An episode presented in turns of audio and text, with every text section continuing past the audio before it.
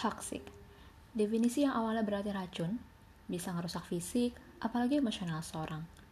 Gue yakin, kalau lo gue tanya, are you a toxic person? Jawabannya pasti, enggak lah, gila aja. Emang gue pernah ngerusak siapa? Tapi sadar gak sih, kalau kita itu punya potensi jadi toxic buat orang lain? Well, welcome on Muntok Podcast. Let's talk about toxic.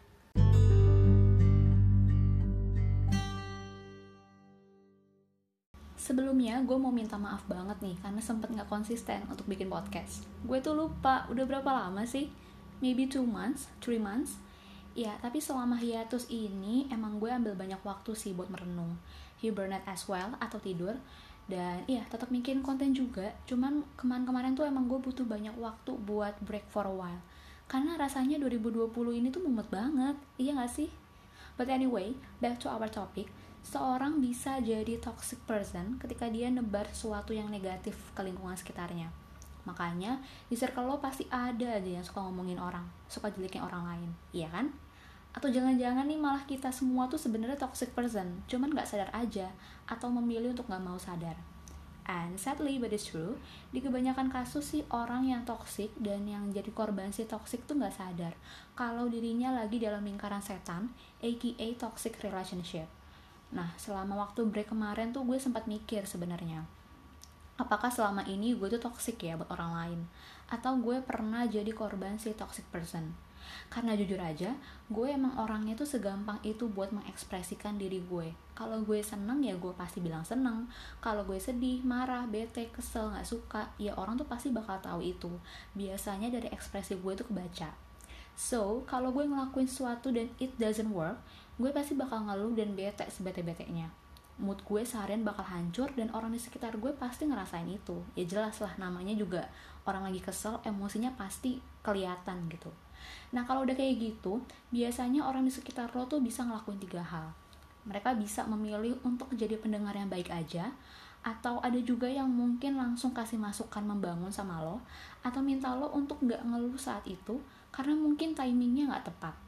Awalnya gue mikir lah suka-suka gue kali mau ngeluh atau enggak kok hak gue untuk berekspresi malah dibatasin? Tapi ternyata yang harus gue sadar hak gue itu tumpang tindih sama hak orang lain. Mereka juga punya hak dong buat stay positif ngejalanin aktivitasnya. So in this case I'm a toxic person for another. Walaupun mungkin toksiknya masih skala kecil ya. And it's okay at least gue sadar itu dan ke depannya gue akan berusaha untuk menempatkan diri gue di posisi orang lain. Semisal ada kejadiannya sama. Jadi gue nggak judging. Ya nggak gampang sih. Gue juga masih harus belajar buat itu. Dan yang paling ngeri kalau sampai orang lain jadi feel so negatif terus-terusan dan terpengaruh untuk jadi toxic juga sama kayak lo. Oh hell no way. Kasusnya mungkin sering lo denger ya. For example diselingkuin berkali-kali tapi tetap dimaafin. Mungkin ada kayak kekerasan fisik itu dipukul tapi korbannya bilang it's okay maksa lo buat nurutin semua kemauan dia terus-terusan menghakimi dan menyalahkan lo. Suka nyindir ngeremehin atau ngancam lo. Nggak pernah support lo sedikit pun even lo udah sukses atau ngelakuin hal baik ke dia selalu ngungkit kebaikan yang selama ini dia kasih ke lo. Berusaha mengontrol dan manipulasi pikiran lo sampai lo tuh mikir lo tuh selama ini selalu punya hutang budi gitu sama dia. Dan selalu memposisikan dirinya paling sakit dan terluka untuk dapetin attention orang lain atau attention lo sehingga lo tuh jadi ngerasa bersalah atas terluka dan sakitnya dia. Nah kira-kira pernah ngelakuin semuanya nggak tenang aja gue juga pernah kok pasti. Tapi please jangan jadiin ini semua sebagai pembenaran. Intinya coba untuk memposisikan diri lo dengan orang lain.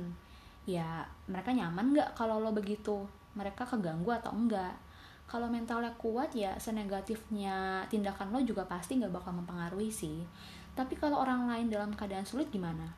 Gampang banget kali mengintervensi pikiran dia biar jadi sama negatifnya kayak lo dan ya dia bisa aja being a new toxic person karena ya jadi pembenaran buat dia dia pikir hal kayak gitu tuh nggak apa-apa biasa aja dan buat kalian yang mungkin ngerasa lagi terjerat dalam hubungan yang toksik, entah itu sama temen, keluarga, pacar, di kantor, atau sama siapa pun, gak usah basa-basi lah. Dare to speak up and lift them. Kalau lo udah berasa gak kuat ya, soalnya tuh kadang korban tuh suka takut buat speak up mungkin udah diancam kali ya. Dan emang gak mudah pasti buat kasih tahu itu ke orang lain. Karena kalau lo berusaha terus untuk ngertiin untuk jaga perasaan atau apa pun itu lo yang bakal stres sendiri. Dan gue tuh pernah banget di posisi itu. Gue sampai konsultasi sama temen gue yang ambil jurusan psikologi. Soalnya tuh kepikiran gitu sampai stres sama sesuatu yang sebenarnya tuh bisa banget gue tinggalin gue bodo amatin dan karena menurut gue juga nggak semua hal harus ada penyelesaian. Dan kita juga nggak bisa nyelamatin semua hati semua perasaan. Kalau kata sahabat gue yang paling penting adalah selamatin diri lo sendiri dulu. Apalagi kalau sebelumnya lo tuh udah punya itikat buat ngomongin apa yang mengganggu lo secara baik-baik. Tapi si orang ini tuh tetap aja spread negativity bilang ke teman-temannya lah atau nyindir lo di sosial media. Outputnya apa coba? Dengan kayak gitu kan masalahnya nggak bakal selesai so listen to me. They don't deserve you. Jangan kasih mereka panggung buat bikin lo semakin kepikiran dan sakit hati. So yeah. Are you toxic person enough for another? Sampai ketemu lagi di Muntok Podcast episode berikutnya. Bye